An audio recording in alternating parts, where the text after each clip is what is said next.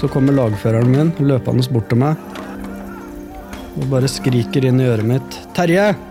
Jeg har skutt og drept to personer. Ja, det er mottatt, sier jeg. Våre historier, en podkastserie fra Forsvaret.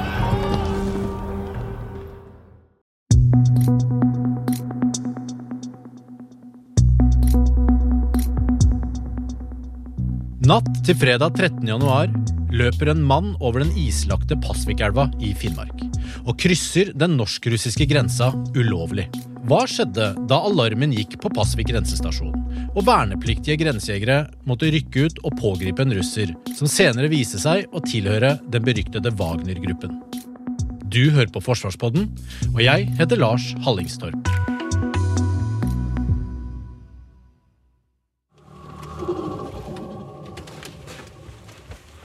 Da er vi på det punktet som jeg og patruljen pågrep eh, mistenkte. Skal vi gå ut og se? Vi er med grensejegerne Ola og Erling. Det var patruljen deres som gjorde pågripelsen. Bare noen få kilometer unna grensestasjonen i Pasvik. Hva er det vi har rundt oss her nå? Nei, Rundt oss nå har vi egentlig særdeles lite. Det er eh, en eh, veldig stor eh, myr og litt gran- eller furuskog. Bare en av de mellomveiene som er her i Pasvik. Så Hvor langt vil du anslå det er til selve grensa? Nei, akkurat nå ligger vi kanskje på ja, tre kilometer i underkant av det. Vi har jo en del skog mellom oss og elva, og så eh, elva på det området her er veldig bredt. Eh, så det er ganske langt ut til grensa. Hvordan var dere havna her? Det vi fikk høre, var at eh, det var mulig at en hadde krysset over uh, i det området. Så var det uh, en sivil som ble, fikk beskrevet til oss da, at hun ble oppsøkt av en mann. og så ga hun oss en beskrivelse av hvordan han så ut i ja, eh, gjennomsnitt ca. alder, eh, klesplagg og hvordan han oppførte seg og hva han ønsket. Eh, denne personen ønsket hjelp fra politiet. og det ga oss et ekstremt godt innblikk i hva vi forventa. Hvilken trussel som han, som han viste seg å være. Og i den situasjonen som vi hadde nå, så viste det seg at han var en ekstremt lav trussel. Så det ga oss veldig mye handlingsrom og gjorde sånn at vi kunne være mer direkte da, mot mistenkte. Før de kom så langt denne natta, går alarmen og vekker alle soldatene som er på Pasvik grensestasjon. Nå har de bare noen få minutter på å gjøre seg klare. Jeg lå og sov, jeg. Og så ble jeg vekka av den alarmen. Våkna av reaksjon fra å høre den før, men eh, klarte egentlig ikke å registrere hva som skjedde. Og plutselig så slo det meg at eh, vi må ut. Jeg kledde på meg, enkelt og greit. Jeg lå i senga. eh, løp ned i den gangen hvor vi har utstyret vårt. Ta på alt det vi trenger av utstyr, eh, får det ut. Eh, siden det er vinter, så må vi starte alle kjøretøyene som vi har eh, for å være klar. Når det er gjort, så drar alle patruljeførerne og eventuelt eh, 18-månedere og vognførere inn i analyse- og kommandosentralen som vi har. Der er det et befal som står for hvordan de skal distribuere folk og litt sånn forskjellig. Og derav motta oppdrag, da. Det som går rundt i huet, er jo bare veldig mye nysgjerrighet. Dette er det vi trener på, det er dette vi har lyst til å gjennomføre. Så da er veldig mange nysgjerrige, lyst til å jobbe fort, adrenalinet pumper, og så ja, Han har veldig lyst til å være med ut og jobbe, da. Når var det dere skjønte at det var et eh, reelt oppdrag og ikke bare en øvelse? Eh, ja, det er det vi skiller veldig på eh, når man melder eh, 'gjør klar' og sånn. da. Det, siden det ikke blir meldt øvelse. At det er veldig alvorlig. da. Vi kan jo veldig gjøre klar av mange forskjellige årsaker, men akkurat en grensekrysning eh, Da er veldig mange som er veldig skjerpa. Spesielt siden det skjedde midt på natta. da. Hvilke tanker går gjennom hodet da, når eh, du skjønner at eh, oi, denne gangen er det faktisk ekte? Nei, det er veldig mye spenning, da.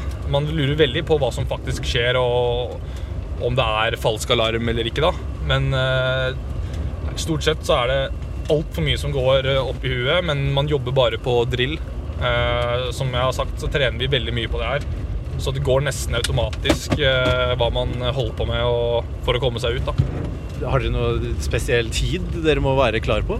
Eh, ja, De som er Quick Reaction Force, de sier vi har fem minutter på, fra alarmen går til man skal være klare. Men resten av stasjonen de har eh, 15 minutter, sier vi. Eh, Nå sier man 15 minutter, men ofte så pleier man å være veldig mye raskere. Det raskeste som jeg har hørt om, er tre minutter. Hvor folk har eh, fra alarmen går til man står ute og er klar til å motta oppdrag. Da. Få minutter etter at alarmen har gått, har patruljen nå kommet seg ut i bilen og i retning der mannen sist ble observert. Ole og patruljen hans forbereder seg nå mentalt på hva som kan møte dem. Så eh, gikk jeg gjennom eh, noe som vi kaller what ifs eh, når vi kjørte. Eh, det what ifs det er egentlig eh, noe man gjør for å forberede seg på et scenario. Man ser for seg hva, hva som kan skje. Eh, om det er trusselnivå, helse. Han personen kunne vært ekstremt nedkjølt.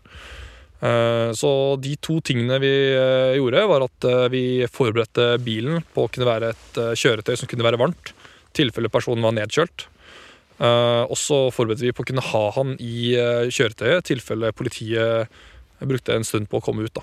Hvor var dere pågrep han? Det er, vi står nå? det er ganske nøyaktig der vi står nå. Eh, når vi ankom fra retninga vi kom fra, eh, så så vi eh, mannen på ja, 200-300 meters hold. Altså, han sto midt i veien? Ja, Han gikk nedover. Jeg stoppa kjøretøyet umiddelbart og ba patruljen om å ta på seg utstyr, nødvendig utstyr. Eh, Så fulgte jeg med på personen og så at han snudde seg, gikk mot oss. eh, Og vi gikk mot eh, han, sånn som vi pleier å gjøre. Eh, Og så gjennomførte vi da en pågripelsesdrill. Eh, Dette er noe vi lærer på politikurs, eh, og driller sammen med politiet jevnlig. Eh, noe vi har fått tillatelse til å utføre på lavtrussel eh, eh, mistenkte. da. Eh, så nå rykka vi fram til personen, gjennomførte drillen. Han var veldig samarbeidsvillig og eh, gjorde akkurat som vi ba om, tross av at han ikke kunne verken norsk eller engelsk. Eh, når han da la seg ned på bakken, så fikk vi kontroll på personen og gjennomførte da en visitasjon. Da visiterte vi for farlige gjenstander som kunne ta skade på oss, og da også bevis da, på om han faktisk hadde krysset grensa. Eh, Etter vi hadde gjennomført visitasjonen, eller mens vi holdt på, så ankom politiet på stedet. Eh, Og da tok de ledelsen. Det er jo deres oppdrag, og vi bare bistår. Eh, De tok kontroll på situasjonen og ga ordre til oss videre om hvordan vi skulle jobbe, hva vi skulle gjøre. Og når vi da var ferdig med situasjonen, så tok politiet gjerningsmannen med videre.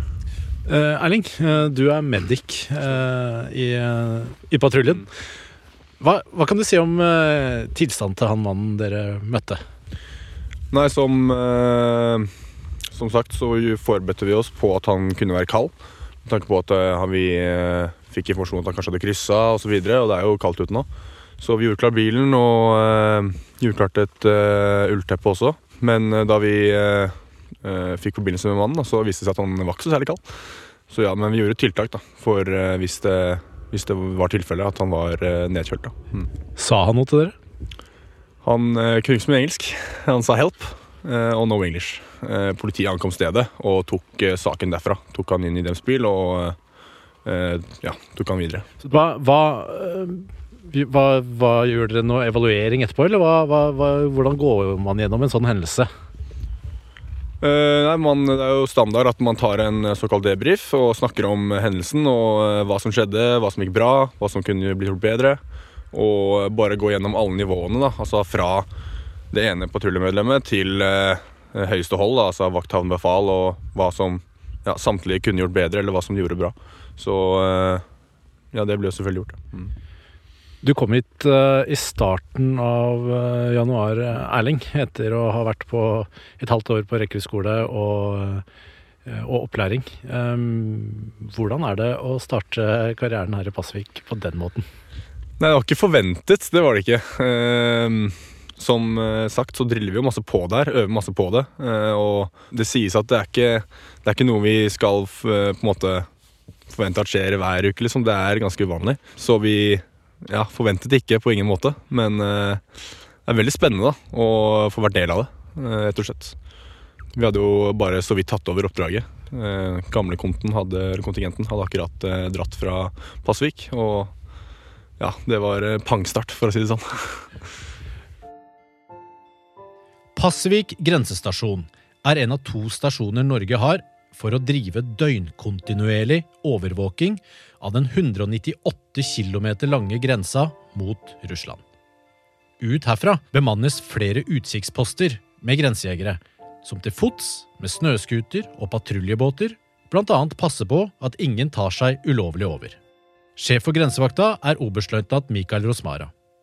Han kan fortelle mer om hva som skjedde før alarmen gikk i Pasvik, og troppen til Ola og Erling måtte rykke ut.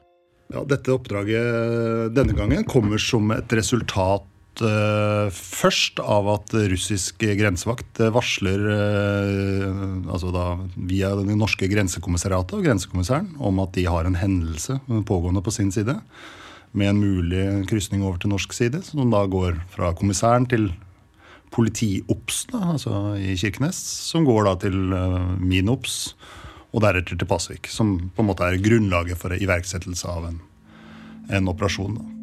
Grensekommissariatet, som Rosmara snakker om her, har det overordna ansvaret for at forholdene langs grensa er i tråd med avtalen som Norge har med Russland. Det er Grensekommissariatet som har dialogen med russiske grensemyndigheter ved f.eks. ulovlige grensepasseringer. Kan du si noe om um, hva det sier om, om det samarbeidet med, med, russisk side? Ja, Det viser jo at den bilaterale avtalen som mellom Norge og Russland eh, om eh, hvordan håndtere hendelser i grensesonen, altså i grenseområdet på begge sider, eh, hvordan det skal håndteres, og at det videreføres. Eh, så vi er jo veldig Det er jo i begge lands interesse om at eh, det avtaleverket videreføres, eh, sånn som det har vært praktisert i en årrekke. Gjøres på en fortsatt god måte og en rett måte, og det ser vi jo i dette tilfellet at det har blitt gjort. Hva slags kommunikasjon har dere med de gjennom et sånt oppdrag? En hendelse hvor man har et brudd på eh, grenselovene, som dette skjer, så er det politiet som har påtale og etterforsker saken. Eh, men det er åpenbart at det er en informasjonsutveksling på tvers om eh, hva som har skjedd, og eventuelt også eh, en felles etterforskning av, av, selve åstedet. Og det har blitt gjennomført i ettertid der, hvor man, man via kommissariatet møtes for, på krysningsstedet for å se på selve Eh, og verifisere på begge sider at eh, vi har en felles forståelse av hva som har skjedd. Men så er det politiet som har videre ansvar for å svare ut eventuelle behov som, eller ønsker som kommer fra, fra russisk side. Da. Du er jo sjef for grensevakta. Hvordan fikk du vite om, eh, om det her? Jeg har jo på en måte det som heter uh, Commanders Notification Requirements, som uh, skal utvelges. Og innenfor ulike typer hendelser så blir jeg varslet innenfor ulike typer tidsfrister. Så her ble jeg jo ringt opp da, i en sånn hendelse som det. Og Hva gjør du da? Da forsikrer jeg meg, heller, og det er jeg egentlig veldig klar på, at avdelingen veit hva de skal gjøre i en sånn situasjon. Så for min del så er det en mental forberedelse på det som må komme senere. Og så se om det er noe jeg videre kan understøtte den eller de som er i en vaktsituasjon der og da. Men først og fremst så bidrar jeg vel med, med trygghet i forhold til at jeg vet det. Og så vet jeg, altså er jo dette er en sånn eh, mental tankeprosess mot det som kommer etterpå. Og det er jo den videre håndteringen og evalueringen av hvordan det har gått. Når, når det kommer et sånt uh, oppdrag til Forsvaret, uh, hva, hva er rutinene da? Ja, i en sånn uh, case som, det her, som dette er, altså en hendelse på grenselinjen, så har vi en samarbeidsavtale med politiet om hva som er vår rolle. Og vår rolle i forhold til grenseoppdraget er jo deteksjon og isolasjon.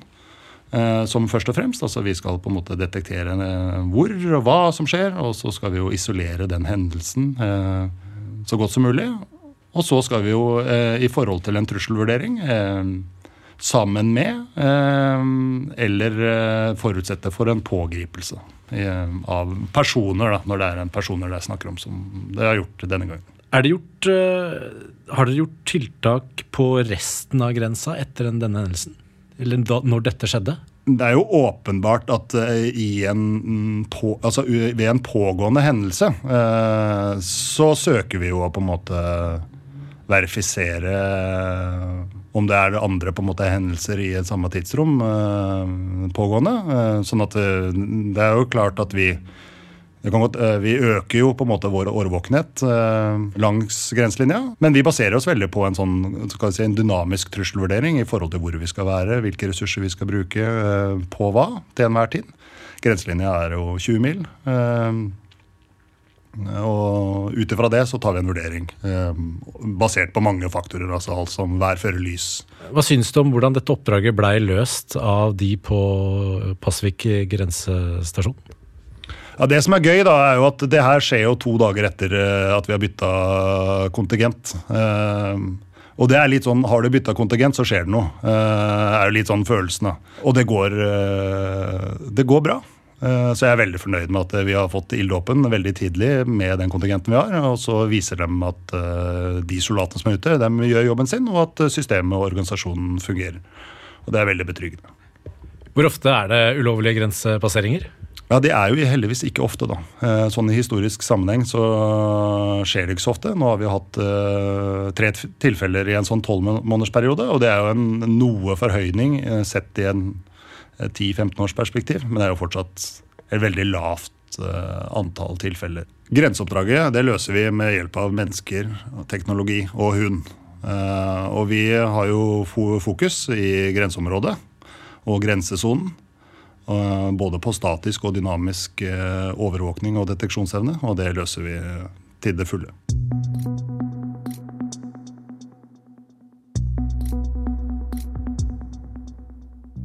Du har hørt Forsvarspodden. Og husk, hvis du abonnerer på oss, får du en ny episode hver fredag i spilleren din. Forsvarspodden lages av Jørgen Lyngvær, Hege Svanes, Fredrik Tandberg, Thomas Haraldsen og meg, Lars Hallingstorp.